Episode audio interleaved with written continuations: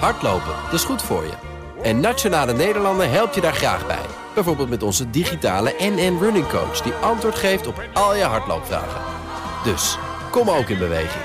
Onze support heb je. Kijk op nn.nl slash hardlopen.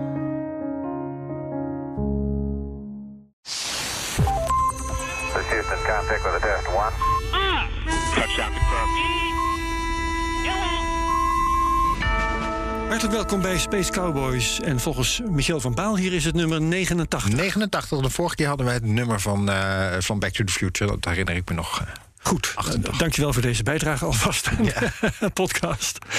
Uh, Michel van Baal dus is uh, de ene. En uh, Mark Heemskerk is de andere deelnemer. Je bent hier voor het eerst. Ja, klopt. Hartelijk welkom. En ja, ik denk dat ik mag zeggen dat je hier zowel zit als ruimtevaartliefhebber... als ook um, als deelnemer aan ruimtevaartprojecten. Ja, Want klopt. waar ik jou graag over wil horen straks... dat is um, jouw activiteiten als... en er blijkt een woord voor te bestaan... analoge astronaut. Ja, klopt, klopt dat? Ja, hè? Precies. ja, ik, we, ik heb zitten nadenken over wat zijn nou betere woorden. Ik dacht misschien de simulatieastronauten. Maar de, het schijnt echt bekend te zijn als analoge astronaut. Ja, klopt. En wat is dat dan? Ja, vertel jij het maar. Ja, uh, nou dat is een hele goede vraag inderdaad. Dus uh, als analoog astronaut ben je eigenlijk aan het oefenen hier op aarde... Uh, om te zien hoe het zou zijn om daadwerkelijk ooit een astronaut in de ruimte te zijn. Um, en dat kan je eigenlijk op heel veel verschillende parameters doen. Heel veel variabelen kan je natuurlijk gaan testen. Dus uh, een bekend is misschien wel de paraboolvluchten... waarin je dus eigenlijk de parameter van, ja. van, lagere zwaartekracht probeert na oh, te maar dan bootsen. ben ik ook een analoge astronaut. Ja. Kijk. Ja. Dan uh, heb je overgegeven. Heb je daar inderdaad uh, ervaring mee. Ja. En verder heb je bijvoorbeeld ook de terrestriale analogen, zoals we dat dan noemen. en die zijn eigenlijk voor mij als, als geoloog interessanter, moet ik zelf zeggen. waarin je dus eigenlijk in een maanbasis of een marsbasis bijvoorbeeld gaat zitten. En dan ook echt gaat onderzoeken hoe het zou zijn om een bepaalde tijd op de maan of op Mars te overleven. En ja. IVA's te doen, onderzoek te doen, um, hoe het überhaupt is om met een crew van internationale mensen, die je misschien nog niet zo heel goed kent van tevoren, samen te leven en uh, te overleven. Ja, en dat heb ik uh, uh, meegemaakt, kan ik niet zeggen. Maar ik, ik heb, ben er via de persgetuige van geweest dat het in Rusland werd het gedaan, ja. een tijdje geleden, geloof ik. Hè? De voor, voor Big, Big Brother avant la lettre. Nou, inderdaad. ja, ja, ja. En jij hebt dat gedaan op Hawaii. Hawaii. Klopt, ja. Dus uh, die waren niet zo extreem als, uh, beter. als die in Rusland, moet ik zeggen. Ja, en die in Rusland waren dus ook geen uh, terrestriale analogen. Dus daar zaten ze eigenlijk gewoon opgesloten in...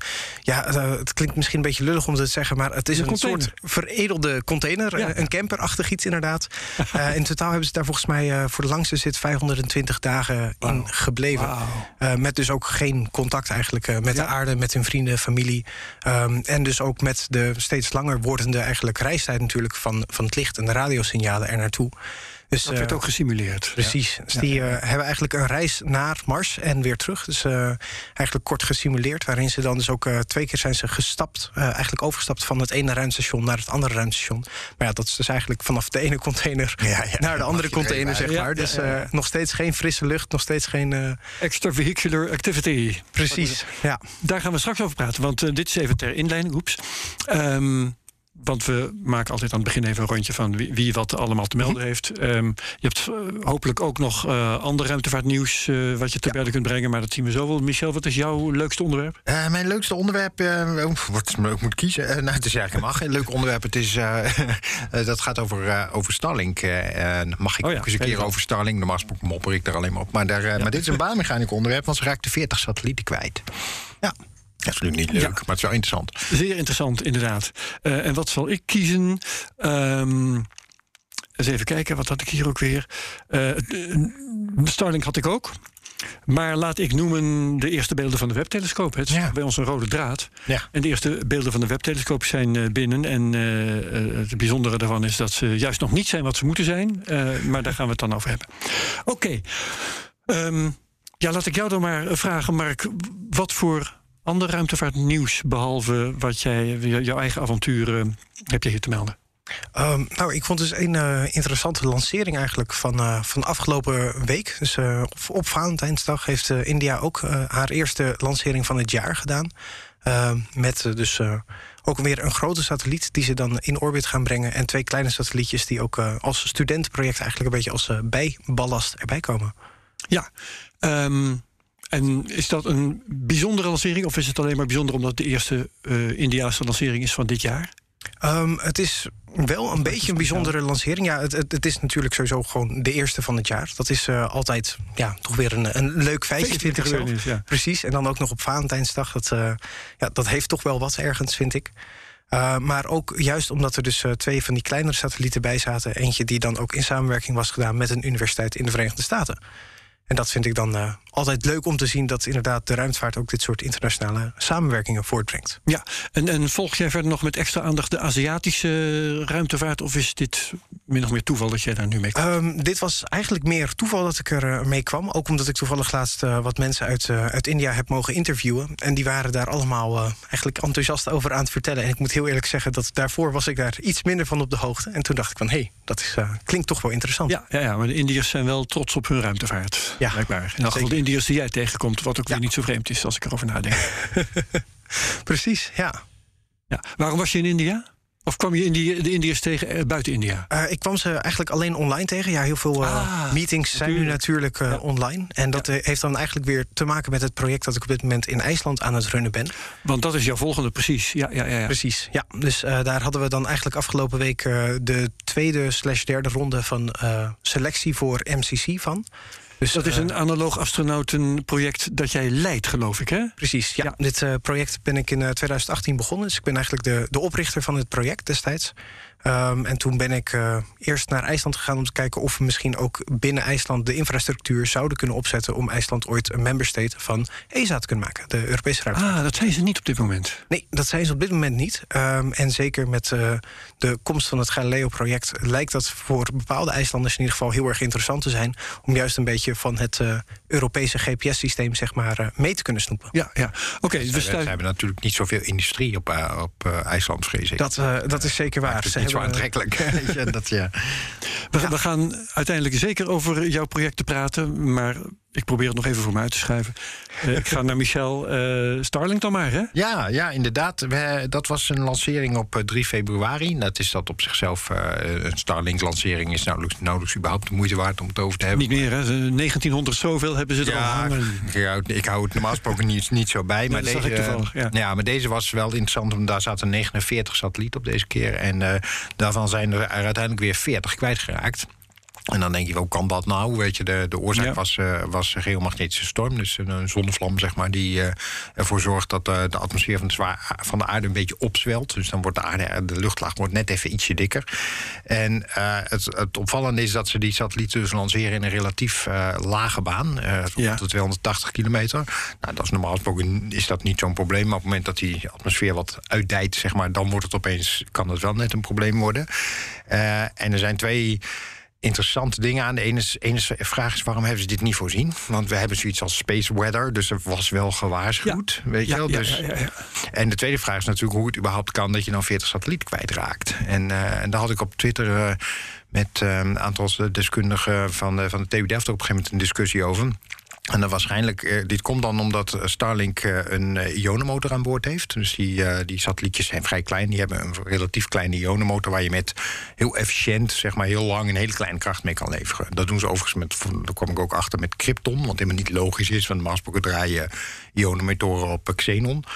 Uh, maar waarom gebruiken ze nou Krypton? Simpelweg omdat het veel goedkoper is. Het is veel meer oh, efficiënt. Okay. Maar ja. zij hebben geredeneerd, we hebben zoveel xenon nodig daarvoor. Weet je, als we dat uit de markt moeten halen, dan drijven we sowieso de prijs op. Dus dat doen we niet. En aangezien deze satellieten relatief la, la, korte standtijd hebben, ze hoeven niet zo lang mee, hebben ze besloten voor Krypton te gaan. Uh, maar het probleem uh, van Krypton is van de ionenmotor is dat je er heel veel stroom voor nodig hebt. Dus wat ze, wat ze deden is op het moment dat, dat, dat ze merkten van hé, hey, je gaat niet iets goed, hebben ze die alle, al die satellieten in safe mode gezet. En dat betekent eigenlijk dat ze hele platte satellieten. Het zijn gewoon platte schijfjes met een, enorm, oh. met een relatief groot zonnepaneel eraan. Ja, dat ziet een beetje als een creditcard met een zonnepaneel, zeg maar, iets groter. maar die hebben ze allemaal in safe mode gezet. En dat je eigenlijk dan ga je, laat je ze als een soort mes door, die, um, uh, door de atmosfeer snijden. Oké, okay, ja, ja. minimum aan. Minder uh, luchtweerstand? Ja, maar je hebt één probleem. Als je die kryptonmotor wil aanzetten, dan zul je dat zonnepaneel op de zon moeten richten. Ja, en op dat moment dat je dat doet, zet je dus een enorme bak weerstand aan, als het ware. Ja, en, op, en blijkbaar was er in deze setting, klopt het zonnetje, sommetje niet meer in dat de weerstand waarschijnlijk, vermoed ik, die dat opleverde, groter was dan de kracht die je kon leveren om eruit te komen. En ja, daarmee, daarmee is ze dus allemaal kwijt. Nou ja, niet, alle, niet echt allemaal. Ehm, maar dan ben je ze dus kwijt. En dat is wel een interessante, weet je, van ah, nou ja, dat ze hier niet op, op gerekend hadden, is natuurlijk al uh, opmerkelijk. Maar dat dat zo werkt, is sowieso wel interessant. En toen zat ik naar te zoeken, we zullen het even in de show notes zetten, maar ik kwam een video tegen waarin helemaal wat uitgelegd hoe ze die satellieten nou precies in een baan zetten. En dat, dat doen ze eigenlijk, eigenlijk best wel slim, moet ik zeggen. Want je hebt er, je hebt er een, wat je eigenlijk doet, je lanceert er een stuk of 60 of 49 in dit geval tegelijk. Maar ja, dan komen ze allemaal op dezelfde plek terecht. En daar heb je natuurlijk niks aan. Je, je moet dat mhm. netjes verspreiden. Nou, baanmechanica zegt dan, weet je, normaal gesproken, als je dat is het vrij makkelijk om ze over die baan uit te summeren, zeg maar. Dat zie je ook gebeuren, die treintjes ja. over de overkomen. Ja, maar dan zitten ze wel allemaal in hetzelfde vlak. En dat, dan heb je 60 satellieten in hetzelfde vlak. Dat is ook niet efficiënt. En waar ze gebruik van maken is van het, van het feit dat de aarde niet rond is, maar een beetje een aardappelvorm heeft, een beetje, uh, en een beetje dikker in het midden. En dat betekent dat die baanvlakken de neiging hebben om een beetje te gaan verdraaien. Dus wat ze eigenlijk doen is, ze, hmm. ze brengen een deel van die satelliet omhoog, uh, waardoor ze waardoor die in, in, op een andere hoogte net een andere verdraaiing krijgen. De rest laten ze nog even in zo'n lage baan zitten.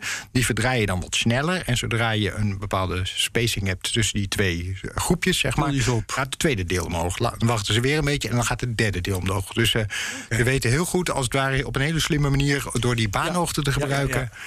Eén probleem alleen, ja, als je dan vervolgens te laag zit en je krijgt een zonstroom voor je flikker, ja, dan ben je kwijt. Ja, maar zo'n zo lage baan, dat was ook een beetje waar ik op zat te wachten, is uh, alleen maar een soort parkeerbaan. Ja.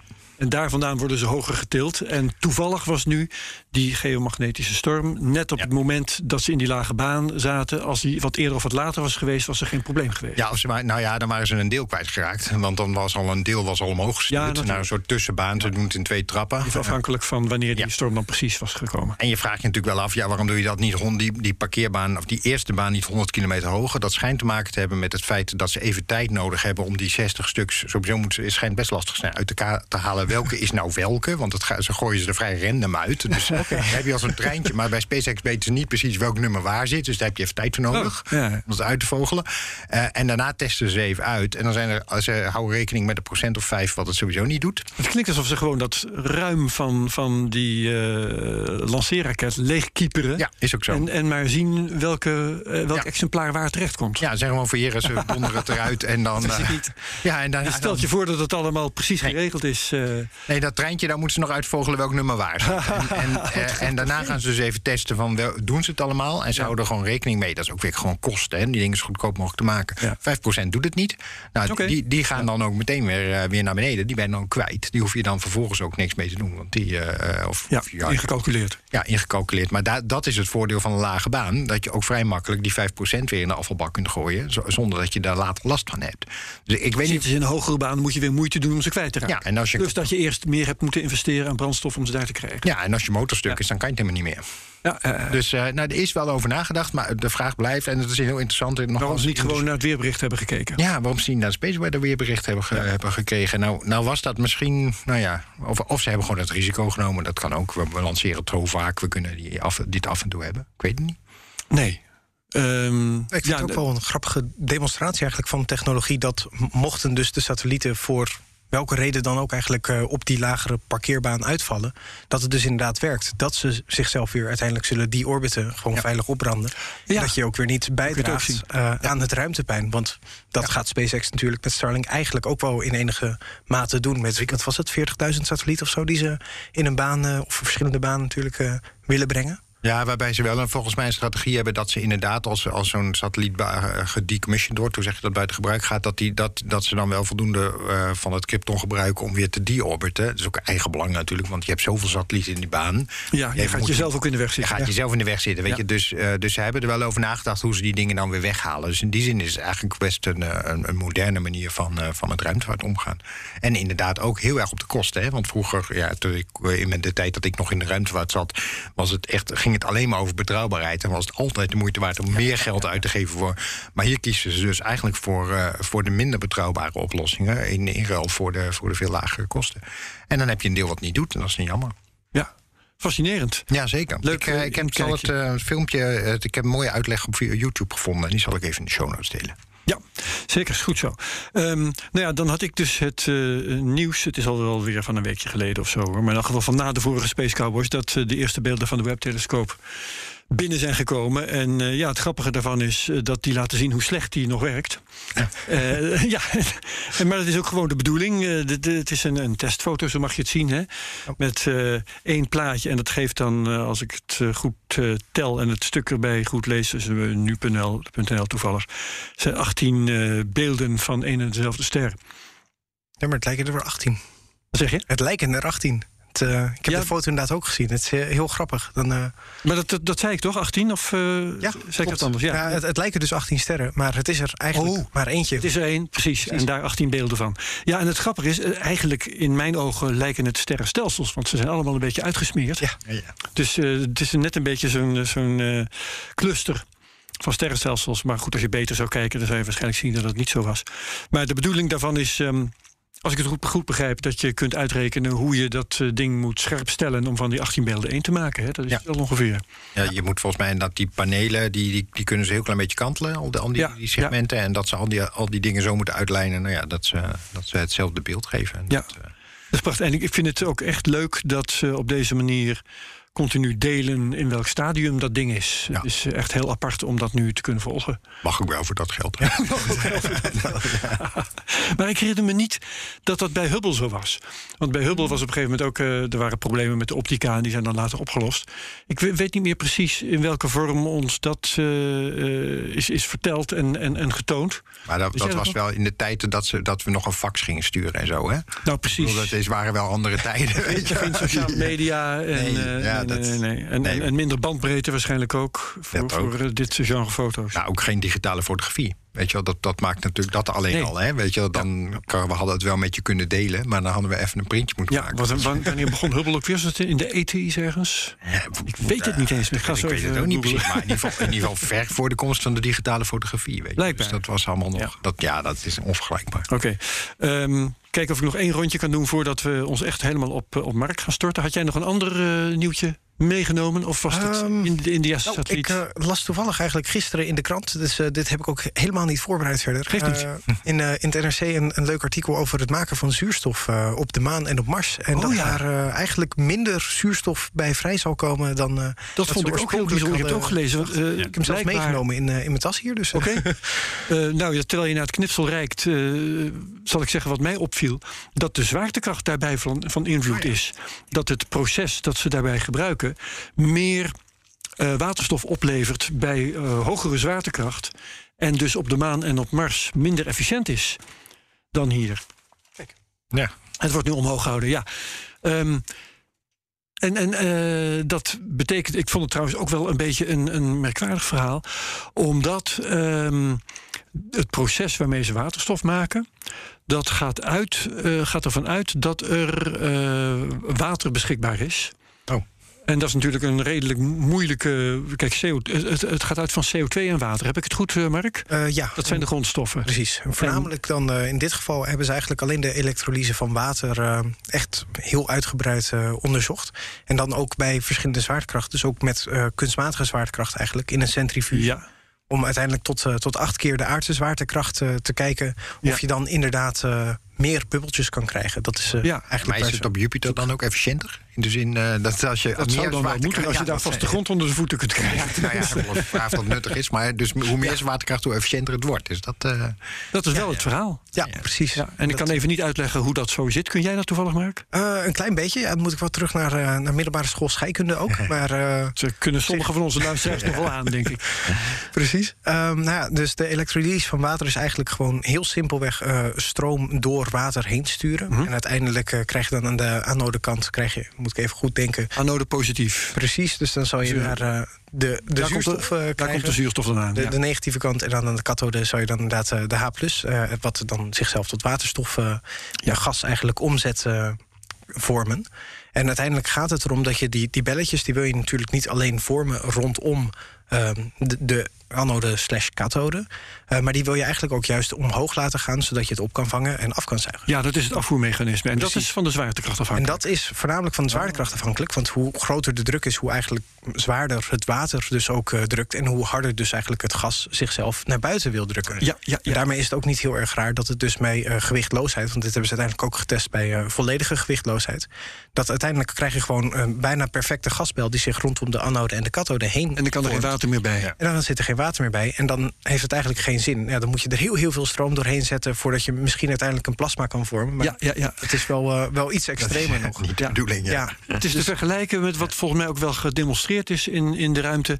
Uh, de, als je bij gewichtloosheid een lucifer afsteekt, ja, dan is die in no time uit omdat de verbrandingsgassen gewoon rondom de lucifer zich ophopen. Ja, die gaan niet weg. mooie vlammetjes inderdaad. Echt van die perfecte bolvormige vlammetjes. In plaats van het hele ja, kenmerkende puntje eigenlijk... wat we hier op aarde natuurlijk uh, gewend zijn. Ja. Ja. Um, en dat, ja, dat vind ik eigenlijk ook nog wel grappig. Hoe, hoe zou dat op de maan uh, er dan uitzien, bijvoorbeeld? Want dan zit je dus eigenlijk een beetje daar ergens tussenin, zeg maar. Ja. Dus je, je vlammetjes zal waarschijnlijk een beetje soort van inzakken, denk ik. Een beetje uitzakken misschien. Ja, minder, minder gretig uh, omhoog, omhoog ja. wapperen. Ja, ja, ja.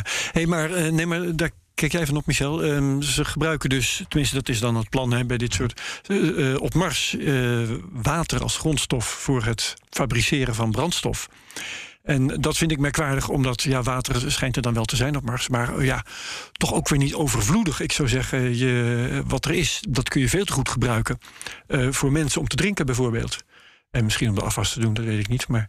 Nou ja, ik kan me wel voorstellen dat als je CO2 en water gebruikt, dan kun je natuurlijk uh, daar veel meer van maken. Hè? Ik bedoel, uh, je ja. kunt er whisky van gaan stoken uiteindelijk. Nou, waarom niet? Dat, uh, ja, nee, ik noem maar wat. Maar dat, met die twee grondstoffen kun je natuurlijk veel meer producten maken. Dus ik vind ja. het ergens wel logisch om vanuit de scheikunde van water en, en, en, en, CO2 te, te denken. Ja, nou, CO2 zal het probleem niet zijn, hè? want die atmosfeer is grotendeels. Ja, Mars ja, dat is makkelijk. Nee. Maar, maar water is gewoon wat lastiger. Ja, dat is natuurlijk wel een beetje de vraag. Kijk, op het moment dat je ergens op een plek zit en je, en je hebt onder je een enorme ijsplaat liggen, dan, dan heb je misschien, kan het best zijn, ik weet het niet hoor, maar misschien zit je dan in een situatie dat je dat ook zo uh, overvloedig hebt. Ja. Uh, het zal waarschijnlijk een stuk lastiger zijn om het van zand uh, los te trekken, zeg maar, chemisch. Ja. Ik weet niet precies. Ja. Nou goed. Het, uh, ja. ja. het hangt van het soort zand af, moet ik dan wel weer zeggen. Het, uh, je hebt dus okay. inderdaad bepaalde mineralen. Dat weet je gewoon. Ja, ja, dat weet ik dan weer wel natuurlijk. Zand, als, uh, als aardwetenschapper. Sorry. Oh ja, dan, precies. Dus dan, dan moeten we ook zeggen, zand is, een, is alleen een korrelgrootte. Het is eigenlijk geen, geen indicatie van wat het materiaal precies is. Oh ja. Oh ja, Dus je kan bijvoorbeeld zand hebben van kalksteen. dan zit er überhaupt geen, geen kwarts of silica in. Nee. het meest gebruikelijke, zeker hier in Nederland, is natuurlijk wel gewoon een, een ja, een siliciclastische zandsteen eigenlijk. Doe, dus daar, uh, het bestaat voor een groot deel uit kwarts. Maar uh, je hebt dus inderdaad ook mineralen, voornamelijk uh, kleinmineralen zoals we dat noemen. Waar dan ook gewoon eigenlijk water in het mineraal zit, ja, ingecapsuleerd zeg maar. En die kan je dus ook weer vrij makkelijk eigenlijk onttrekken. Ja. Maar dat is weer een heel ander onderwerp. Ja, ja, ja, precies. Zeker. Michel, je hebt er vast nog één. Uh, ja, ook een. Uh, het is, ik zei al, het wordt een feestje qua voor de baanmechanica vandaag. Het, um, ook een onderwerp wat daarmee te maken heeft. Want uh, we, zaten te wachten, en ik meen dat uit mijn hoofd dat het op uh, 3 maart was. Dat, um, uh, dat een rakettrap van, van, van SpaceX Falcon zou moeten gaan inslaan op de maan. Um, ja. En alleen hebben ze, zijn ze er intussen achter dat hij, dat hij niet van, van Falcon is. Maar hij is, is niet Amerikaans, hij is Chinees. en dat, het is een andere lancering. En dat is sowieso wel interessant hoor. Want die hoe, meestal met, met dingen die om de aarde heen uh, te gaan, of, of om, om, de zon of om de maan, dan kun je vrij nauwkeurig be, be, berekenen hoe dat dan beweegt. Maar op het moment dat iets gebruikt is om iets naar de maan te lanceren, en dat is in dit geval zo, dit is een Chinese missie naar de maan, dan krijg je altijd een beetje een chaotische baan die wat verder voorbij de maan loopt. Dan komt de maan langs, dan trekt hij hem, dan trekt hij hem een bepaalde kant op. Dus dat wordt vaak een, veel meer een rommeltje. En dan kun je later ook minder terugfilmen. Waar komt hij nou oorspronkelijk eigenlijk vandaan? Nou, ja. dit is een, een rakettrap. Dat kunnen ze wel vrij makkelijk achterhalen. Want dat zie je namelijk aan de, aan de helderheid van het object. Die gaan altijd tuimelen. Dus dat betekent dat die wat helderder en wat minder helder. En een nou, rakettrappen hebben een bepaalde zeg maar, fluctuatie die vrij herkenbaar ja, een is. signatuur. Ja, dus die herken je wel. Uh, alleen waar die nou, in welke baan die, waar, uit welke baan die nou oorspronkelijk komt, is heel moeilijk achteraf terug te leiden. Omdat die maan dat de hele tijd loopt up te fucken, zeg maar. Hmm. Uh, nogmaals, ik zal, ook voor de show notes, ik vond er een animatie van, die zet ik er even in. En dit is een baan die loopt vrij ver voorbij de maan. Uh, waarna je ziet dat de maan hem als het ware nou ja, uit, uit, die ellips trekt in een andersoortige ellips. En hebben ze uitgerekend dat hij op 4 maart komt hij eigenlijk eerst voorbij de maan en dan komt hij zo terug en dan knalt hij tegen de achterkant. Uh, dus dat, uh, daar gaat hij op inslaan. Nou, dat was al wel bekend. Dat is jammer, want dan zie je niet wat er gebeurt. Nee, je, krijgt, het, je krijgt er verder een klein kratertje bij. Hoewel we niet ja. zo heel blij zijn hè, met, met men met dingen die inslaan op, op, op objecten. Dat nee, probeer je altijd wel een beetje te allemaal maar weer vervuiling. Nou ja, en potentieel ook, ja, is maar met maan niet zo'n gevaar. Maar potentieel is het ook biologische vervuiling. Weet ja, je wel, dat ja, als je daar de boel niet op hebt schoongemaakt, weet je, niet heel goed op gelet hebt, dan wil je het niet op bijvoorbeeld Mars neerzetten. Weet je, dus dat. Uh, want voor je het weet vind je daar leven. En blijkt je daar een paar jaar geleden zelf. Uh, ja. Dus je hebt van die hele taaie beerdiertjes die, waarvan ja. bekend is dat ze niet meteen doodgaan. En schimmels en zo, ja. ja nee, dus dat, dat is een beetje het gevaar. Uh, maar de grap is, nou ja, ik had net, zei net al, het is geen Amerikaan, het is een Chinees. Ja, maar hoe weten ze dat? Ja, dat is het, het leuke hieraan. Dat hebben ze eigenlijk een, een groep studenten uit, uh, uit Amerika. Van, uh, hebben dat afgeleid met observaties uit het, het, spectrum. Dus het soort licht wat ze terugvallen. En dat hebben ze gerelateerd aan de verf die SpaceX gebruikt en die Chinezen gebruiken. En die is blijkbaar anders. En op basis van dat spectrum van, wow. van de verf hebben ze kunnen achterhalen dat dit toch wel degelijk een Chinese raket is. 3 maart, u, u gaat het niet waarnemen. Nee. nee, ik zit nog even te denken, wat, wat kunnen we daar verder mee? Maar ja, je, je kunt hooguit een, eh, een satelliet die toch ergens hangt. Maar ja, de webtelescoop bijvoorbeeld. Ja. Nee. Die staat wel achter de ja, die staat dus misschien... Ja. Dat, uh... dat is een heel slecht idee. Waarom is het een slecht idee? idee? Nou, omdat je nou net die, uh, dat, hit, dat schild is nou net bedoeld om tussen de maan en, um, oh. en, en, de zon te blijven. Om die temperatuur van die telescoop ja, tussen de maan en de zon. Houden. sorry, sorry, tussen de aarde en de zon. Ja, de maan loopt daar ook. Dus als je hem dan moet je sowieso het punt hebben dat de maan net tussen de webtelescoop en de aarde staat. Dat is dan niet zo waarschijnlijk dat het zo is op het moment van die inslag. Mm -hmm. bovendien draai je die telescoop dan om en ja, dan staat hij wel vol in, in de straling waar je hem niet wil hebben. Oké, okay, laat maar nee, zitten. gaan dan. we niet doen. dat, uh, helaas. Ja. Dus dat is uh, ja, jammer, maar helaas. Wacht op de volgende. Ja rakettrap en de volgende inslag. Oké. Okay. Hebben we niet nog iets op de, de maan staan die hier misschien iets van uh, observaties mee kan doen? Ik meen dus de Chang'e staat er. Uh, Chinees iets aan de achterkant van de maan hadden staan. Ja. ja. Een paar, een paar waar die vandaan komt. Antieke uitgewone seismometers misschien nog wel. Ja, uit de Apollo-tijd. Ja. ze hadden wel seismometers uh, staan. En ook uh, dust collectors, hoe is dat? Uh, ja. Van uh, opgewaaide stofvanger, inderdaad, eigenlijk. Dus misschien dat we. Ja, dan moet er wel weer iemand eigenlijk teruggaan, denk ik, om dat stof even op te halen. dus, uh, ik, ik ja. denk, ik zeg dat het voor maan, maan impact. De maan is wel wat gewend, zullen we zeggen. Ja. Dat, dat, dat het niet zo heel veel voorstelt. Die maan gaat daar niet wakker van liggen. Dat, nee, nee. Het is natuurlijk vrij. Het is een, een lege, uh, lege huls. Hè. Dat weegt ja. niks naar verhouding. Hm. Vergeleken met de meteoriet. Oké, um, dan heb ik het verhaal, en dat, uh, ja, dat haal ik gewoon gemakshalve uit de Volkskrant. Um, van de burgerweters, vroeger zei je, zei amateurastronomen, uh, amateurastronomen, tegenwoordig heet het burgerwetenschappers. Die hebben geholpen om op uh, reeds bestaande Hubble-foto's ruim duizend nieuwe planetoïden te ontdekken. En dat gaat dan door die foto's te pakken en te kijken naar gebogen sporen. Die kunnen wijzen op uh, ja, rotsblokken die uh, voor het beeld zijn geschoven. En uh, dat dan met een bepaalde kenmerkende baan deden. En ja, soms is dat een vliegtuig of iets dergelijks. En soms is het een planetoïde. En daar moeten mensen naar kijken. En dat hebben ze dus laten doen. Hebben, 10.000 vrijwilligers hebben dat gedaan. Um, die hebben 11.000 trouwens. 40.000 Hubble-foto's hebben ze bestudeerd. En het grappige is toen ze dat eenmaal gedaan hadden, overigens van elke foto weer apart een kwart ja. besteed aan uh, mensen. Een hele procedure. um, elke foto door minstens tien deelnemers bekeken. En toen het allemaal gebeurd was, toen konden ze daar AI op loslaten, AI mee trainen. En toen kon de AI het verder opknappen. Ik wou, ik wou, dat, ja, dat, er nog meer. Ja, nou dat zat ik me namelijk af te vragen toen je dit vertelde. Van, kun je dat niet automatiseren? Ja, dat kan dus wel. Ja, ja maar eerst moet het bloedig door mensen gedaan worden. En dan heb je data. Ja. En daar kun je dan mee verder. En die worden dan trouwens ook weer, natuurlijk weer door mensen nagekeken. Want de AI doet een soort voorselectie. En uh, mensen nemen dan uiteindelijk de beslissing. Je zou dat echt moeten gebruiken voor die, die stomme schermpjes die je soms hebt om vast te stellen of je een robot bent. Weet je, waar, op welke plek, op welke plek zit, staat een stoplicht. Weet je, dat, dat, Volgens mij train je daar ook eigenlijk een, een AI mee. Uh, heb ik ook door die gehoord. stomme Ja, ja. CAPTCHA eigenlijk de hele tijd Ja. in te vullen. Ja. Maak je dus de systemen slimmer om bijvoorbeeld nou ja, huisnummers te herkennen of uh, voor de, de Google AR. dus uh, Brandkranen of...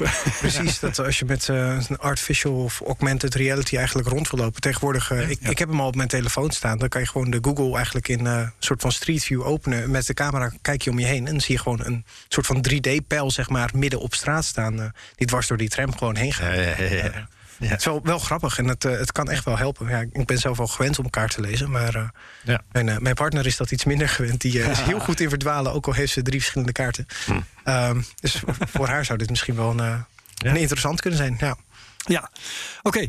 Okay. Um, nou, dat, dat is wat ik daarover te zeggen heb. Um, zullen we maar eens gewoon over jouw uh, bezigheden... Weet je, ik heb nog één onderwerp. Ik kan namelijk een helemaal een bruggetje maken. Dat, ja. dat is oh. wel, uh, dat, want uh, wij hebben namelijk vorige week... De, ja, nee, ik weet het. De, vorige week de uitslag gehad van de, van de astronautenselectie van ESA. Mhm, Mm -hmm, mm -hmm. En dat... Um, ja, wat, wat, ze hebben nog een hele mooie... Er loopt een procedure. Inderdaad. Er loopt een proces, ja. ja. Dus de, de eerste schifting is gedaan. Er waren 22.523 aanmeldingen. Wat ik eigenlijk op Europese handel... In, als ik heel eerlijk ben, nog niet eens zo heel erg veel vind. Het waren geldige aanmeldingen. Oh, geldig. Ah, er waren er namelijk meer. Ik, ah, check. ik zeg, ik heb zelf ook een poging gewaagd. Maar, je bent... maar uiteindelijk was er een vraagje die vroeg: heb je drie jaar ervaring na het behalen van je master? Ah. En ja, ik heb wel drie jaar werkervaring al, ook in de analoge ruimtevaart dan. Uh, maar die heb ik niet allemaal na mijn mastergraad nog. Ah, oh, wat ingewikkeld. Ah, dus ja, heel streng. Dus daar waren ja. ze blijkbaar net iets te streng in. Dus Oeh, ah, ja, okay. ik, uh, ik heb hem wel ingestuurd, maar ik zit niet eens bij die 22.500 ah, mensen. Oh, dat, dat, dus uh, het, het, zullen er denk ik nog wel meer zijn. Nou, bedankt voor deze, voor deze opheldering, want ik vroeg me dat al af. Ik dacht, nou, ik zou eigenlijk wel hoger verwacht hebben. Maar als dit inderdaad de, de geldige aanmeldingen zijn dan, uh, en, en de, de lat hoog lag, dan kan ik me voorstellen ja, dat, dat, dat dat gebeurd is. Um, maar in ieder geval waren er twee de geldige aanmeldingen waren tot 22.000. En daar zijn er uiteindelijk nu. Um, uh, nu 530 uh, um, uh, vrouwen en 831 mannen. Uitgenodigd om, om deel te nemen aan, aan fase 2. Dus die, dat zijn de gelukkigen. Daar zitten overigens ook, ik meen dat er even snel checken, 37 Nederlanders bij. 20 mannen en 7, 17 vrouwen. die, um, uh, nou ja, die bij die, uh, die tweede ronde zit. Dus ik heb eerlijk gezegd nog van niemand gehoord dat hij daarbij zat. Dus mocht je luisteren en je zit erbij, dan ben ik wel heel benieuwd. Um, ja. En ik wens die, die 37 mensen veel geluk. En dat ik vrees dat je dat ook nodig hebt als je als ja. Nederlander door de astronautenselectie wil komen. Oh ja, dat is het verhaal van Nederland betaalt te weinig. Dus waarschijnlijk gaat de eerste voorkeur naar andere landen. Ja, en, en we hebben, we weten het, André Kuipers heeft het Nederlandse krediet voor de komende 120 jaar wel opgefroten, vrees ik. Met die twee ruimtevluchten. Dus dat, ja, dat telt helaas ook. Weet je wel. Dus ik, uh, ja, nou, het is ja, kansloos is het natuurlijk nooit. Maar ja. het is als Nederlander gegeven de mate waarin wij. Nu maar eens een keer een Portugees bij wijze van spreken. Nou, ESA is natuurlijk ook de afgelopen jaren enorm uitgebreid met Oost-Europese landen. Hè? Mm -hmm. dat, uh, dus er zijn allerlei landen bij die hebben, die hebben nog nooit een astronaut kunnen leveren. Weet je wel. Dus ja, je, je, kan er, je kan er vergif op innemen dat, uh, dat je een los van de grote landen die er altijd bij zitten, Frankrijk, Duitsland, die, Italië, Spanje. Spanje ja. ja, die, daar, die zullen ongetwijfeld daarbij. daar zal iemand bij zitten. Want uh, en daarnaast ga je denk ik aan de kleine landenkant, uh, vrees ik, Oost, of nee, vrees ik niet, ga je, ja, ik vrees het voor die 37. Ja. En dan ga je met name, denk ik, mensen uit Oost-Europese landen vinden. Dus, maar goed, als je, nou ja, ik hoop, ik hoop dat ik ongelijk heb. maar mocht je, mocht je daarbij zitten als luisteraar, ik ben heel benieuwd. Ja, Precies. Neem contact met ons op. Bijvoorbeeld via ons Twitter-account Space Cowboys Pod. POD. Right. Um, dat was het, Michael? Dat was hem. Ja, nou, okay. nu gaan wij naar de...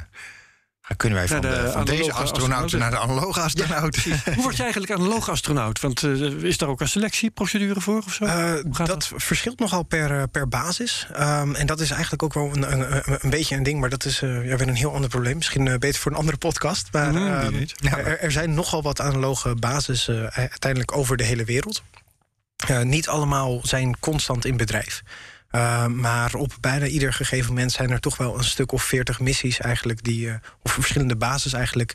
Die op elk moment veertig? Ja, die of gaande zijn of in voorbereiding zijn. Echt nieuw? Uh, Oké, dus ja, ja, ja. ja, niet allemaal daadwerkelijk dan uh, Ja. op de maan bijvoorbeeld. uh. Dus dan tel je experimenten die lopen met deelnemers opgesloten en dat soort zaken, die tel je mee. Maar ook jouw project in IJsland dat je nu aan het voorbereiden bent, dat tel je mee. Precies. Zijn die dan ook allemaal wetenschappelijk zeg maar, eh, onderbouwd? Of is dat Uh, nog, uh... nou, dat is dus inderdaad een, een, beetje een ding. En dat is zeker in de, de analoge ruimtevaartsector is dat uh, een, ja, sommige mensen zien het als een probleem, andere mensen zien het meer als een, een oplossing eigenlijk. Um, dat voornamelijk van die basis die dus eigenlijk constant draaien. Um, ja, daar zit ook een soort winstmodel achter. Zolang die basis uh, op de vulkaan op Hawaii bijvoorbeeld staat, kost het geld. Uh, en zijn er dus uh, de eigenaren van die basis hebben er dus eigenlijk baat bij dat er zoveel mogelijk missies worden gedaan en dat er zoveel mogelijk mensen, mm. betalende mensen. Zo'n basis heeft een eigenaar en die verhuurt gewoon de tent. Ja, dus uh, dat is het grootste deel uh, van dit soort basis. Uh, en dan heb je ook nog door de ruimtevaartorganisaties gerunde basis. En vaak zit daar ook weer een beetje een combinatie tussen. Uh, bijvoorbeeld die basis op Hawaii, waar ik dan uh, in 2020 uh, ben geweest, vlak voor de hele pandemie. Um, die is oorspronkelijk gebouwd in samenwerking met NASA, om daar ook echt lange termijn studies te doen in opdracht van NASA. Um, die waren dan ja, twee maanden, vier maanden. Uiteindelijk, volgens mij was de langste was een heel jaar. Dus twaalf maanden waarin mensen gewoon uh, opgesloten zaten... eigenlijk op de flank van Mauna Loa. Dus de ja. grootste vulkaan eigenlijk die we hebben ter wereld. Zit je op Hawaii, mag je er niet uit. Ja. dat is wel uh, in, een ruimtepak, hè, wel? Nee, oh ja, ja, dat wel. Precies. Um, dus dan mag je eigenlijk alleen in een ruimtepak naar buiten. Dus dan moet je ook uh, nou, in het airlock staan natuurlijk. Uh, uiteindelijk was, is die basis, High Seas heet die, niet onder druk. Dus het is niet helemaal zoals een, een echte maanbasis natuurlijk. Um, maar ja, dus je, staat meer een beetje voor de simulatie dan uh, in de airlock. Maar ja, je, je moet wel echt uh, een paar minuten wachten. En als je dat uh, iets te snel doet of je trekt enthousiast de deur open...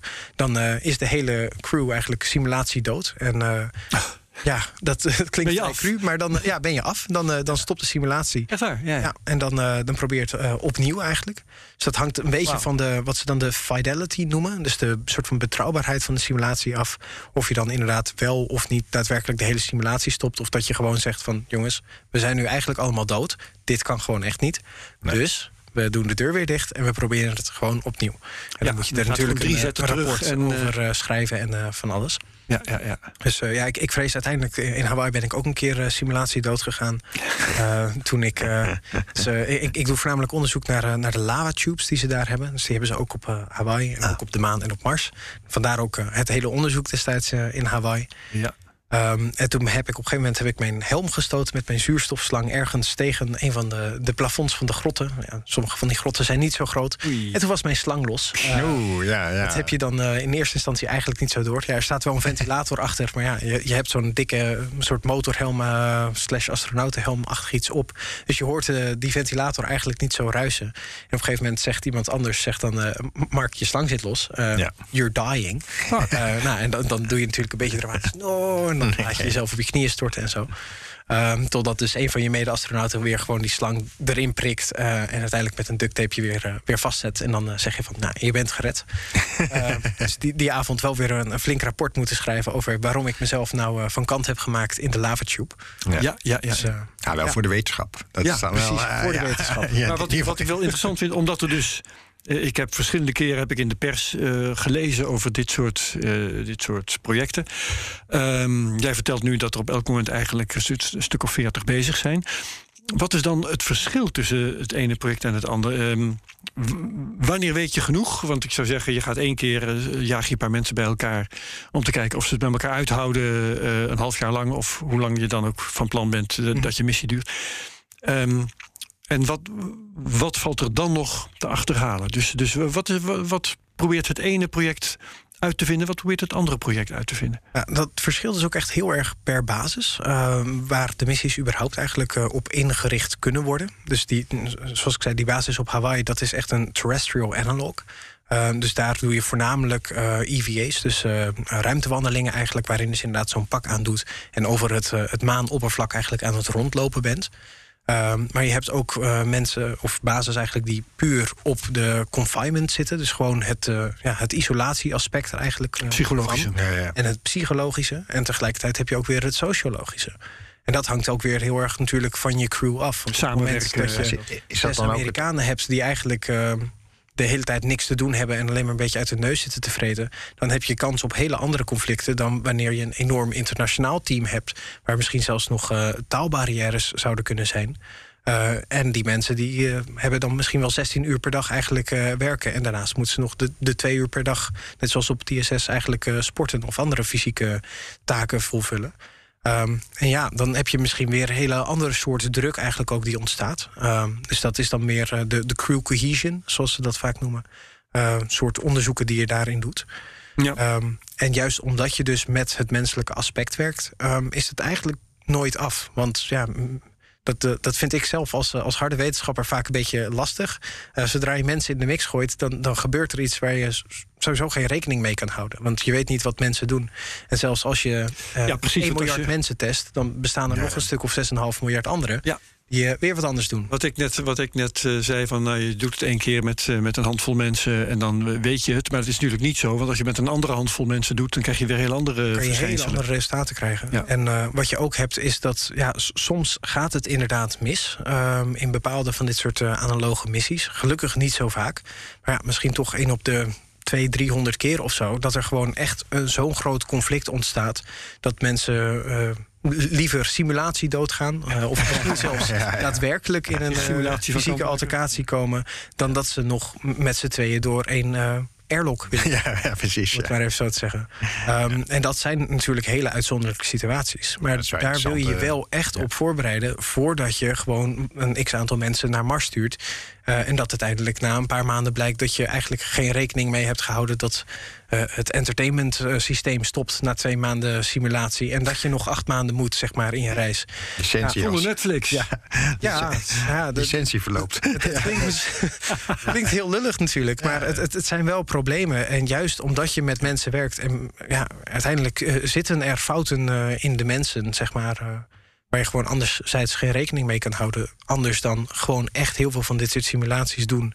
Ehm, en zoveel mogelijk verschillende scenario's eh, te testen. En is Ja. dat dan ook statistiek verzamelen in de zin dat je, eh, dat, dat je... Kijk, je kan bedenken hoe het misgaat... maar dat je ook probeert te achterhalen hoe groot is nou de kans dat dit gebeurt. Als je het honderd keer doet eh, en dan krijg je drie keer slaande ruzie... Dat je, nou ja, weet je, dat je daar dan op basis van statistische informatie uit probeert te halen. Dat is dus nog een beetje het lastige. Uh, ook omdat een, een, redelijk deel van deze basis... die communiceren eigenlijk heel erg slecht. Oh ja. um, ze zijn niet per se vijanden van elkaar... Um, maar ze werken ook gewoon niet altijd samen. Juist ook omdat ze natuurlijk hun eigen onderzoeksinstituut... hun eigen universiteit hebben... die ja. bijvoorbeeld zo'n psychologisch onderzoek willen doen. Ja, en dan wil je natuurlijk niet de psychologische vragenlijst... van uh, de andere universiteit gebruiken. Daar wil je wel je eigen voor gebruiken. Uh, en daardoor mist nog wel een beetje de samenhang tussen veel van dit soort bases. Het klinkt wel heel tragisch uh, dat je onderzoek, onderzoek doet naar nou ja, bijvoorbeeld het voorkomen van conflicten tussen mensen. En dat je dan te maken krijgt met conflicten tussen de onderzoeken. Ja. De onderzoekers die daar uh, mee bezig dus, zijn. Dus ja, hier, ja, hier ben ik. Het concurrentiemodel van de wetenschap natuurlijk. Ja. Dat werkt hier ook. Ja, dat, ja, ja precies. Maar uh, dat is dus wel een beetje ook waar we nu naar aan het kijken zijn. Dus uh, op de komende IAC, dus uh, International Astronomical Congress, die wordt in Parijs georganiseerd. ga ik dan ook een. oh ja, graag. Een, een, sessie eigenlijk helpen voorzitten om te kijken hoe wij een soort internationaal of zelfs globaal platform op kunnen zetten. Waarin dus dit soort analoge missies met elkaar beter kunnen communiceren. En ook eigenlijk ja. beter een soort van nog de, de missende punten kunnen identificeren.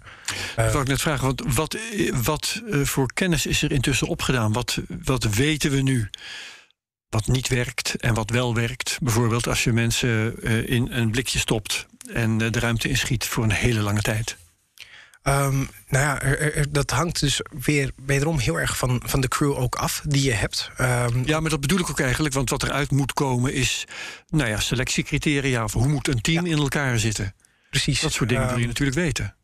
En dat is inderdaad nog, uh, nog steeds eigenlijk een beetje de vraag. Uh, er, tenminste, zover ik weet, is er niet één lijst waarin wordt gezegd van uh, je, je, hebt voor een crew van zeven mensen heb je drie vrouwen, vier mannen, um, ja, ja. twee Aziaten ja, en één minimaal één alfa mannetje nodig en twee mensen met een bril of zo. Dat, dat, dat bestaat nog niet. in ieder geval niet zover ik weet. Ik denk dat het ook heel gevaarlijk kan zijn eigenlijk om zo'n soort vragenlijst of selectielijst eigenlijk te maken. Ehm, want ja, de mensen zijn allemaal anders. En op het moment dat je toevallig vijf keer een uh, succesvolle missie hebt gehad met alleen maar Europeanen, betekent niet dat de zesde missie uh, met alleen maar Europeanen nou, weer. laat ik het dan anders vragen. Als jij zegt het is gevaarlijk om, om te gaan werken, om, om, om te proberen te komen tot een checklist van wat heb ik nodig. Um, als, als, als dat niet het doel is. Wat, wat kan dan wel het doel zijn? Want uiteindelijk wil je toch dat dit soort onderzoek leidt tot een, een missie zo inrichten dat er succes volgt. Ja, precies. Dus wat je wel bijvoorbeeld zou, goed zou kunnen doen, is om te kijken naar bepaalde karaktereigenschappen of profielen eigenlijk van mensen, uh, hoe zij zich ja. zullen gedragen.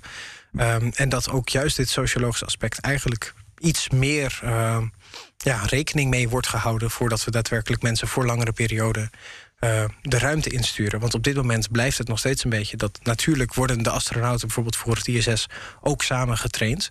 Um, maar het is nog steeds vaak een beetje aan de aparte organisaties om uiteindelijk te beslissen welke Europeaan er op de volgende missie naar het ISS gaat. Maar um, zit het ook niet heel een beetje in, in welke randvoorwaarden je, je gebruikt? Want het is enerzijds van ja, je kunt inderdaad niet, denk ik, nooit voorspellen met deze zeven mensen gaat dat goed. Maar ik kan me wel voorspellen, voorstellen dat als je zegt van nou, je moet minimaal mensen zoveel privacy organiseren. Of weet je, dat je op die manier kijkt van ja, wat, wat moet er mee en hoe moeten we het inrichten? Om te zorgen dat we die kans minimaliseren? Is, is daar, valt daar al wat? Zijn daar al inzichten in dat je denkt. Ja, dus daar, uh, daar, nou, daar, daar, wordt nog steeds ook heel veel onderzoek naar gedaan. Um, maar ook uh, juist weer op een heel ander niveau. Bijvoorbeeld om te kijken naar hoe je de basis zelf inricht. Um, of je veel kleuren wilt gebruiken. Of dat je het juist eigenlijk zo neutraal mogelijk wilt houden. Dat soort aspecten. Uh, dat soort aspecten spelen zeker ook uh, een rol. ja, ho hoeveel privacy wil je maken? Want aan de ene kant wil je misschien zeggen van... Ik, ik, wil een deur hebben die ik dicht kan slaan... als ik boos ben op de rest van mijn crew. maar tegelijkertijd heb je weer een hele hoop extra... Nou, letterlijk de deur zelf nodig natuurlijk... Ja. aan boord van je ruimtestation. wat wederom weer heel veel geld gaat kosten en heel veel energie om het überhaupt naar boven te krijgen. Misschien ja. is een boze gordijntje dichttrekken dan een betere oplossing. Ja, ja dat, uh, misschien wel. en uh, ja, een ander ding wat ik dan zelf ook interessant vind, wat dus ook voor een deel is gedaan eigenlijk uh, aan, de, aan boord van die basis in Hawaii, is om naar bepaalde scenario's te kijken. Dus op het moment dat bijvoorbeeld uh, twee teammembers uh, omwille van één mislukt experiment dat ze samen zouden doen, niet meer kunnen communiceren, wat zou een goede tactiek kunnen zijn om deze mensen toch weer uh, in ieder geval door één airlock te kunnen laten gaan? Um, of op het moment dat er love triangles ontstaan. Mm. En ja, op het moment dat je zo lang met een leuke club mensen eigenlijk opgesloten bent, dan zou je bijna kunnen denken van uh, misschien is dit uh, onvermijdelijk, zeg maar. Ja. Um, ja, dan wil je wel dat dit opgelost kan worden zonder dat er uh, uiteindelijk één iemand buiten boord valt, in ieder geval metaforisch gezien. Ja, ja, ja, ja, ja. inderdaad. Um, maar ik, ik begrijp dus ook dat al experimenterend dat je um, aspecten ontdekt die de moeite van het onderzoeken waard zijn, terwijl je daar misschien eerder helemaal niet aan gedacht zou hebben. Zoals wat jij nou zegt, kleuren. Ja, daar zou ik ja. nooit aan gedacht hebben. Deuren misschien wel, maar misschien ook wel niet. En nu weet je dan blijkbaar wel dat dat een, een belangrijke factor kan zijn. Ja, nou, dat was dus uh, een van de onderzoeken die wij destijds uh, in Hawaii hebben gedaan. Toen hebben we ook uh, voor een periode van twee dagen, dus 48 uur, hebben we alle deuren. We hadden dan inderdaad kleine aparte slaapkamertjes. waarin je eigenlijk gewoon niet kan staan. Maar het is net groot genoeg dat je er een eigen bed en een ja, soort kastje hebt waarin je je eigen onderbroeken zeg maar, op kan een bergen. soort doodskist. Dat, ja, ongeveer wel. En dat was, was dan de privacy die je had. Maar toen hebben we dus ook juist een studie gedaan van hoe zou het nou zijn om alle deuren open te laten. Um, dat je dus op het moment dat jouw uh, crewgenootje eigenlijk uh, snurkt bijvoorbeeld, dat je dat hoort. Of uh, als die uh, een, een, filmpje wilt opnemen voor vriendjes, vriendinnetjes thuis. Um, ja, dat je daar eigenlijk gewoon op de achtergrond in beeld bijna zou kunnen zijn. Ja. Um, en toen, toen merkte we eigenlijk wel dat, ja, dat het toch wel heel erg prettig is om in ieder geval iets van een soort afsluiting te hebben. Dus, ik merkte zelf dat je liever bijvoorbeeld andersom in je bed ging liggen, zodat je eigenlijk niet naar buiten kijkt. Um, en anderen jouw gezicht in elk geval niet zien. Misschien nog net je, je benen wel. Ja, precies. Ja, dus ja, ja. De, dat je daar net toch een beetje de, de afwisseling in zoekt. En dat je dus zoiets hebt van ja, zelfs als ik geen deur zou hebben op de maan, zou ik het toch wel heel fijn vinden om op zijn minst een, een gordijntje uh, op te kunnen Hebben jullie in dit vak contact met zeevaarders? En ik vraag dat omdat uh, toevallig heb ik een keer uh, gesproken met een zeezeiler. En die vertelde, vertelde mij precies dit. Dat uh, iemand bij hem aan boord, had kooien, weet je wel, en daar had je erg weinig privacy. Maar iemand had voor zichzelf geïmproviseerd wat hij noemde een chambrette. En dat was niks anders dan een theedoek of iets dergelijks, of een handdoek, die hij had opgehangen. Um, zodanig dat zijn bovenlijf, uh, zijn hoofd tot aan zijn middel ongeveer, aan het oog was ontrokken voor de rest van de bemanning. Zodat hij daarmee in elk geval de illusie had van, van een beetje privacy. En ik kan me goed voorstellen dat onder uh, dit soort uh, clubs, dat daar wat kennis is ja. over wat doe je met een kleine groep mensen die geïsoleerd is in een kleine ruimte. Ja, klopt. Um, en hier, hier kijken we dus ook eigenlijk inderdaad uh, voor een deel naar van de eigenlijk hele oude studies uh, soms al. Uh, van bijvoorbeeld Noordpoolreizigers die gewoon met een hele kleine bemanning bijvoorbeeld vast zijn komen te zitten in het ijs. het behouden huis op Nova Zembla is ah, misschien wel een bekend ja. voorbeeld. Ja, dat waren toch wel echt vrij extreme situaties, zowel fysiek als natuurlijk ook sociaal.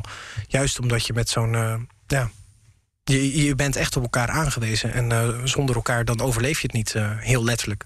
Ja. Dus uh, daar wordt inderdaad naar gekeken. En ook een, een hele leuke link wordt steeds vaker gelegd met het onderwater. Oh, ja. Verkennen eigenlijk. Mm. en soms zelfs ook met het, zowel het ruimtevaarttoerisme als het onderwatertoerisme. Um, en eigenlijk de soort van gelijkenissen die daarin zitten. Want ja, uiteindelijk uh, een onderzeeër die op uh, twee kilometer diepte kan functioneren, kan eigenlijk ook op 400 kilometer uh, naar boven functioneren. De, de, de drukverschillen zijn, zijn nou, eigenlijk heel veel kleiner op het moment dat je naar boven gaat, dan wanneer je naar beneden gaat. Ja. Um, en ja, dat, dat luchtdichte aspect en het, uh, het opgesloten zitten en afhankelijk te zijn van de zuurstofflessen die je überhaupt mee kan nemen, dat, uh, dat is precies hetzelfde eigenlijk als je dieper onder water gaat, als uh, wanneer je hoger op de lucht in gaat. Ja, ja en, en ook soms niet boven mogen komen om militaire redenen. Weet je, geeft natuurlijk ook een bepaalde psychologische, psychologische druk die best vergelijkbaar is. Ik zou me ook nog wat vragen, oh, is het, ehm, want er zit ook een parallel met die basis op Antarctica en zo. Hè? Dat, dat is ook vaak zo'n plek waar je dan gedurende een aantal maanden, of je nou wil of niet, maar je kan er ook niet weg. En dat, dat is natuurlijk wel het psychologisch verschil met dit soort studies voor mijn gevoel, dat je eigenlijk deep down weet je, dat als ik het zat ben, loop naar buiten. Ja. Toch dat. dat uh, en uh, dat, nou ja, dat geldt inderdaad voor die mensen in die onderzee natuurlijk niet. Hè, en voor mensen in Antarctica eigenlijk ook niet. Ja. Is dat, hoe kijk je daarna? Is, daar, is dat nuttige informatie? Ja, dat zijn uh, bijna als een soort analogen voor analoge ruimtevaartmissies, zeg maar. Ja. Uh, maar dit, dat is inderdaad echt een uh, ja, geweldige bron van informatie, juist om uh, verder uit te bereiden, inderdaad, hoe het zou zijn. Um, en dat vind ik zelf dan ook zo fascinerend met van dit soort terrestrische analogen, eigenlijk, die je bijvoorbeeld in, diep in de bergen in Canada hebt, of midden op de vulkaan in Hawaii, of nou, die, die grot die wij dan in IJsland hebben. Um, dat inderdaad, zodra je buiten staat, uh, zie je geen mensen. Je hebt geen ja. menselijke feel. Eigenlijk de grootste kans om te overleven, zelfs als je de simulatie doorbreekt en zonder je ruimtepak naar buiten gaat, uh, is om terug naar binnen te gaan hm. en uh, contact te zoeken met je MCC. Um, dus ja, daar, eh, daar zitten inderdaad hele leuke parallellen in. en ook hele waardevolle informatiebronnen. Ja. Ja. ja las trouwens eh, als een kleine side note dat, ze, dat we in Antarctica iemand hadden gehad die corona had. En ik denk, nou, dat vind ik dan toch best wel weer knap op een of andere manier. weet je, Waar haal je dat nou vandaan? Ja, dat, ja, ja, ja, zelfs dat, nou ja, dat is natuurlijk ook een analogie, weet je wel, van dit soort uh, specifieke infecties die je normaal gesproken nu niet, in, niet wil meenemen. Weet je, maar dat je dat ook dus nog ook in dit soort settingen niet altijd kunt voorkomen. Ik ben geneigd te zeggen, zie je wel dat er zo'n lab komt? nou ja. maar goed. Eerdere labs. Het is eigenlijk in elk lab ja, ja, precies. Ja. Ook op Antarctica. Er is iets met laboratoria. Nee, goed. Um, ik, we, kunnen over dit soort algemene dingen heel lang praten. Ga, gaan we uh, denk ik toch niet doen. Uh, ik ben benieuwd. We hadden het al over jou, uh, over jou ja, het project waar je aan deel hebt genomen op Hawaii. Ik wil graag weten. Kun jij vertellen wat daar nou voor bijzonders uit is gekomen? Wat hebben we daar geleerd? Uh, nou ja, dus uh, wij waren onderdeel van een, een twee weken maansimulatie. Dus dat mm -hmm. heeft ook weer te maken natuurlijk met de, de communicatietijden die je dan okay. weer uh, met ja, het grond. Dus was geen half jaar op aarde hebt. nee, het was dus ook niet zo lang. Het, het, was maar twee weken. Het was eigenlijk wel grappig, want de mensen die voor ons zaten, die zaten daar iets meer dan twee weken. Maar die deden een, een Mars-analoog missie, waarvan ik denk, ja, ik weet niet hoeveel zin dat heeft eigenlijk. Nee. Want je, je kan nooit soort van instant op Mars zijn om vervolgens 2,5 week op het Mars maanoppervlak te spelen en daarna weer uh, terug naar te zijn. Ja. Um, maar toen hebben wij een, een crewwissel ook gedaan uh, in de basis. Dus uh, zij stonden eigenlijk binnen te wachten. Ze hadden een hele leuke maaltijd voor ons voorbereid. Nou, leuk. Het, het is allemaal van dat gevriesdroogde astronauten. Ja, ja. Dus het is nou niet echt heel erg lekker. Maar goed. Dus wij, wij stonden dan uh, ja, in, in de airlock. En toen begonnen ze al een beetje op de airlock te kloppen. Van uh, oeh, spannend, we worden afgewisseld. Uh, dus toen hebben we eigenlijk een soort van wissel van de wacht gedaan op de maand. Terwijl zij een soort van terugkwamen van Mars. ja, Dus ik weet niet precies hoe dat simulatie technisch misschien helemaal is hm. gewerkt. Um, en ik was zelf dan de lead scientist op die missie. Dus ik, ik, was dan meer een beetje ja, het overzicht aan het houden van de verschillende onderzoeken die we deden. Um, en nou, ik vond zelf, uh, ik heb dus mijn eigen onderzoek gedaan naar het uh, ontdekken en het in kaart brengen eigenlijk van lavatubes uh, op het maan of het Marsoppervlak. En dan ook specifiek om te kijken hoe je dat van af het oppervlak eigenlijk onder het oppervlak zou kunnen doen.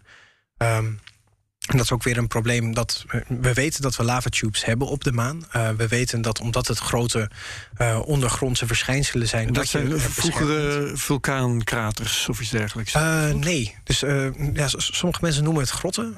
en dat is dan weer vanuit een, een aardwetenschappelijk perspectief niet correct. Omdat een, een grot een, is een erosief verschijnsel. Mm Wanneer je bijvoorbeeld water hebt dat door een kalksteen heen loogt en uiteindelijk een deel van het spul meeneemt. Uh, andere mensen noemen het een tunnel. Dat klopt ook niet, want een tunnel suggereert dat het door iets of iemand is gegraven, meestal door mensen. Um, dus het, ja, het, is echt een buis. En dat komt omdat de lavatubes die ontstaan uit de lavaflow zelf.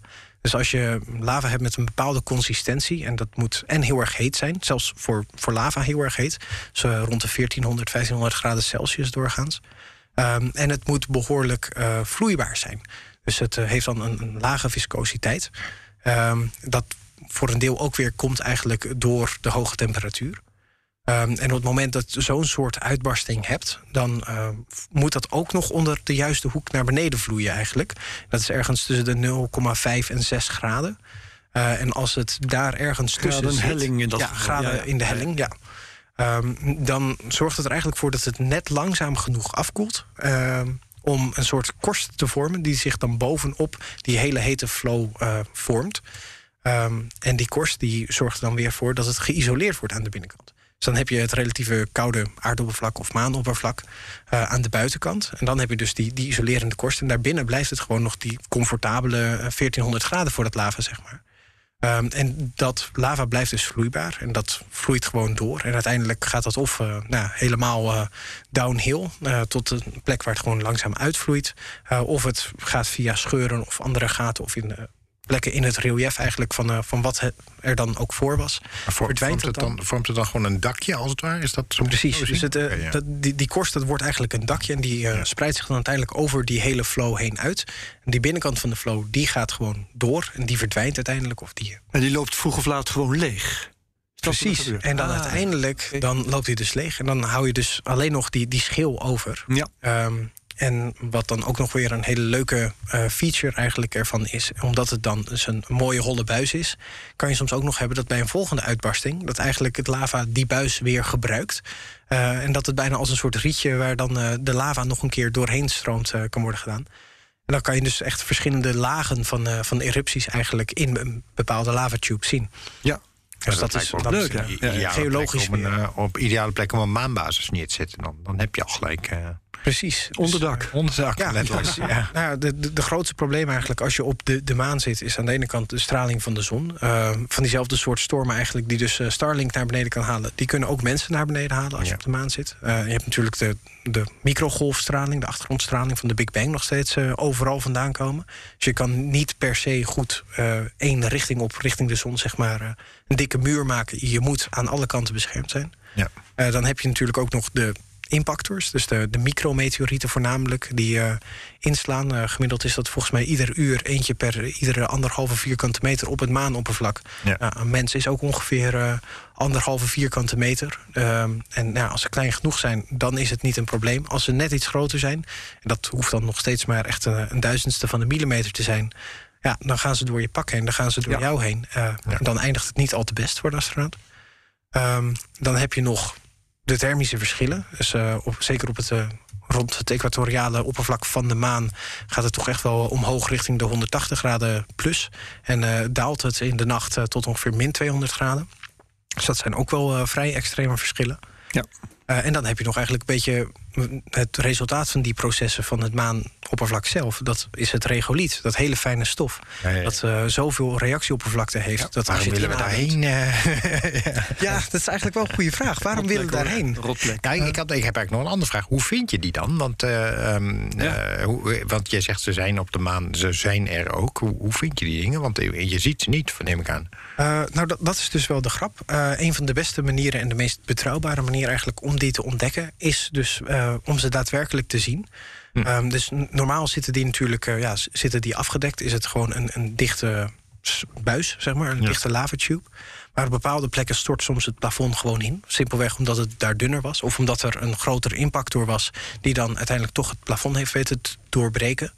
Um, en dat is wat we dan een skylight noemen. Dat is oh ja. een, een, opening hm. naar de oppervlakte. En herkennen we die op de maan? Weten wij plekken waar, waar die dingen zitten?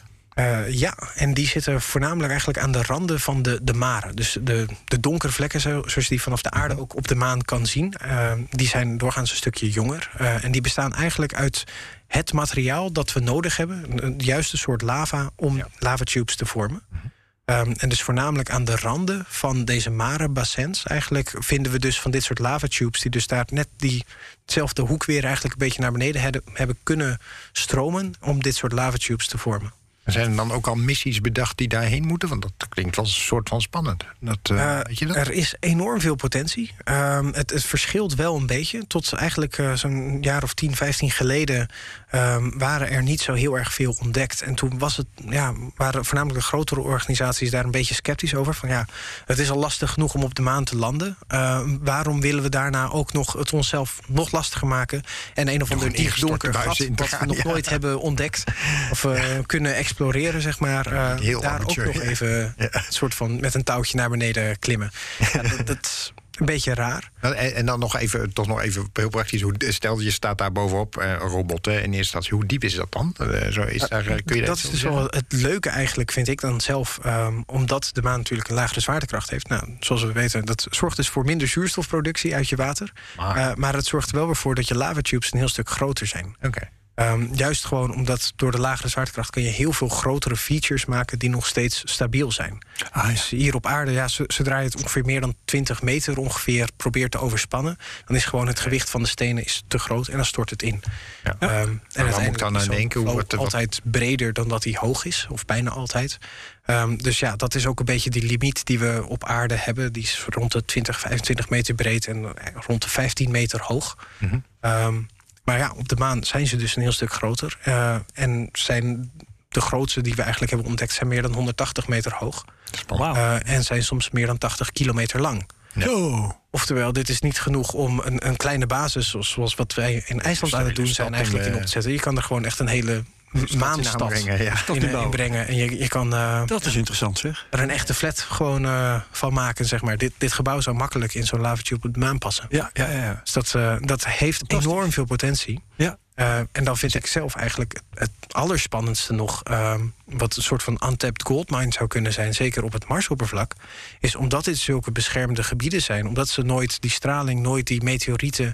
nooit die temperatuursverschillen hebben gekend als er ooit leven zou zijn geweest op Mars, dan lijkt het mij vrij waarschijnlijk dat als je daar nog fossielen van zou kunnen vinden, dat je ondergronds moet gaan. Ja. Uh, en dus misschien wel in zo'n lavatube uh, wat zou kunnen vinden. Ja. En toch nog even terug naar de vraag van Netto. Want die was: uh, zijn er al missies, of is er al nagedacht over missies om daar naartoe te gaan? Je zei, er was in het verleden was men daar sceptisch over. Dat, dat suggereert dat dan veranderen? Een stuk meer te komen. Ja, ja. Um, het, het, zijn ja, heel veel prototype missies. Uh, toevallig is er wel eentje hier uh, in Nederland ook die zich daarop uh, richt. Waarmee we ook samen hebben gewerkt voor zowel die, uh, die missie in uh, Hawaii als voor ons huidige project in IJsland. De Lunar Zebro heet dat ding. Ja. Het is een heel klein, uh, schattig, maar eigenlijk briljant robotje. Zes pootjes, ja. zesbenige robot staat het ook voor. TU Delft. Ja, precies, van de TU Delft. Um, en die zouden eigenlijk, uh, daarvan is het idee dat ze uiteindelijk als een swarm, dus uh, als je zeg maar honderd van die robotjes naar het maanoppervlak stuurt, mm. Dan kan je er een stuk of uh, 100 ook gewoon de grond in, uh, in dumpen. nou, uiteindelijk zullen daarvan uh, een x-aantal het overleven. Maar juist omdat het zulke kleine en relatief goedkope robotjes zijn... Geeft dat niet. à la Starlink, is het niet heel erg als je 5% ja. verlies hebt, zeg maar. en kan je dus met de rest van de robotjes... gewoon zo'n hele lavatube gaan verkennen en in ja. kaart gaan brengen. Leuk. Um, en dus als het goed is, wordt daarvan de eerste prototype wordt dan alleen naar het oppervlak, dus nog niet naar zo'n ondergrondse tube gelanceerd in 2024, geloof ik. Oké, okay. niet helemaal ja. zeker. Maar uh, ja, best wel binnenkort eigenlijk. Gaaf. Ja. ja. Hey, um, het uur is uh, alweer ruimschoots vol. Joh, time flies. Um, ik wilde eigenlijk ook nog wel praten over dat project op IJsland, uh, waar dat nog komt. Maar ik stel voor dat we het gewoon een volgende keer doen. Ja, heel graag. Dan hebben we daar ook gewoon meer tijd voor en dan kunnen we dat rustig doen. Uh, voor jullie allebei nog een mogelijkheid om nog een laatste opmerking te maken of een laatste vraag te stellen. Ja, die heb ik eigenlijk niet. Nee. Dat is mooi. Ik, uh, nou, ik, ik, kreeg eigenlijk nog wel uit uh, meer persoonlijke kring nog uh, laatst ook een leuk nieuwtje. van een, een kunstgalerij die bedoeld is om ooit op de maan te staan. Om juist de wetenschap en het, het maanexploratie. Er ook nog wel bij in zo'n lavatube. Ja, precies. om, om, dat eigenlijk een beetje bereikbaarder te maken voor het algemene publiek. Ja. En dat ding heet de Moon Gallery. Um, en die gaat binnenkort wordt die gelanceerd naar het ISS. Uh, doet hij zijn eerste soort van testvlucht in de ruimte.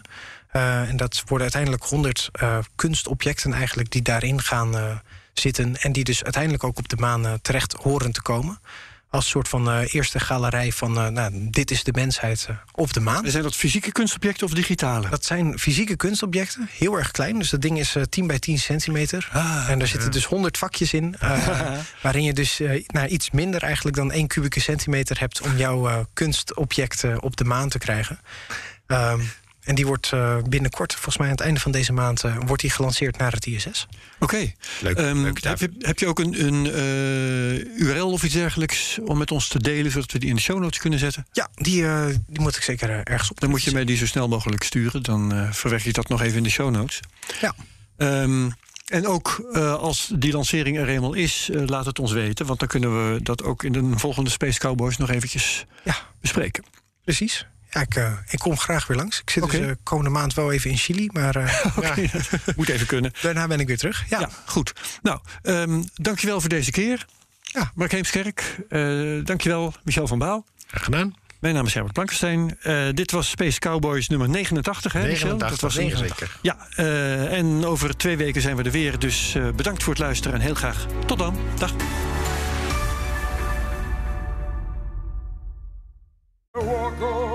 Hardlopen, dat is goed voor je. En Nationale Nederlanden helpt je daar graag bij. Bijvoorbeeld met onze digitale NN Running Coach... die antwoord geeft op al je hardloopvragen. Dus, kom ook in beweging. Onze support heb je. Kijk op nn.nl slash hardlopen.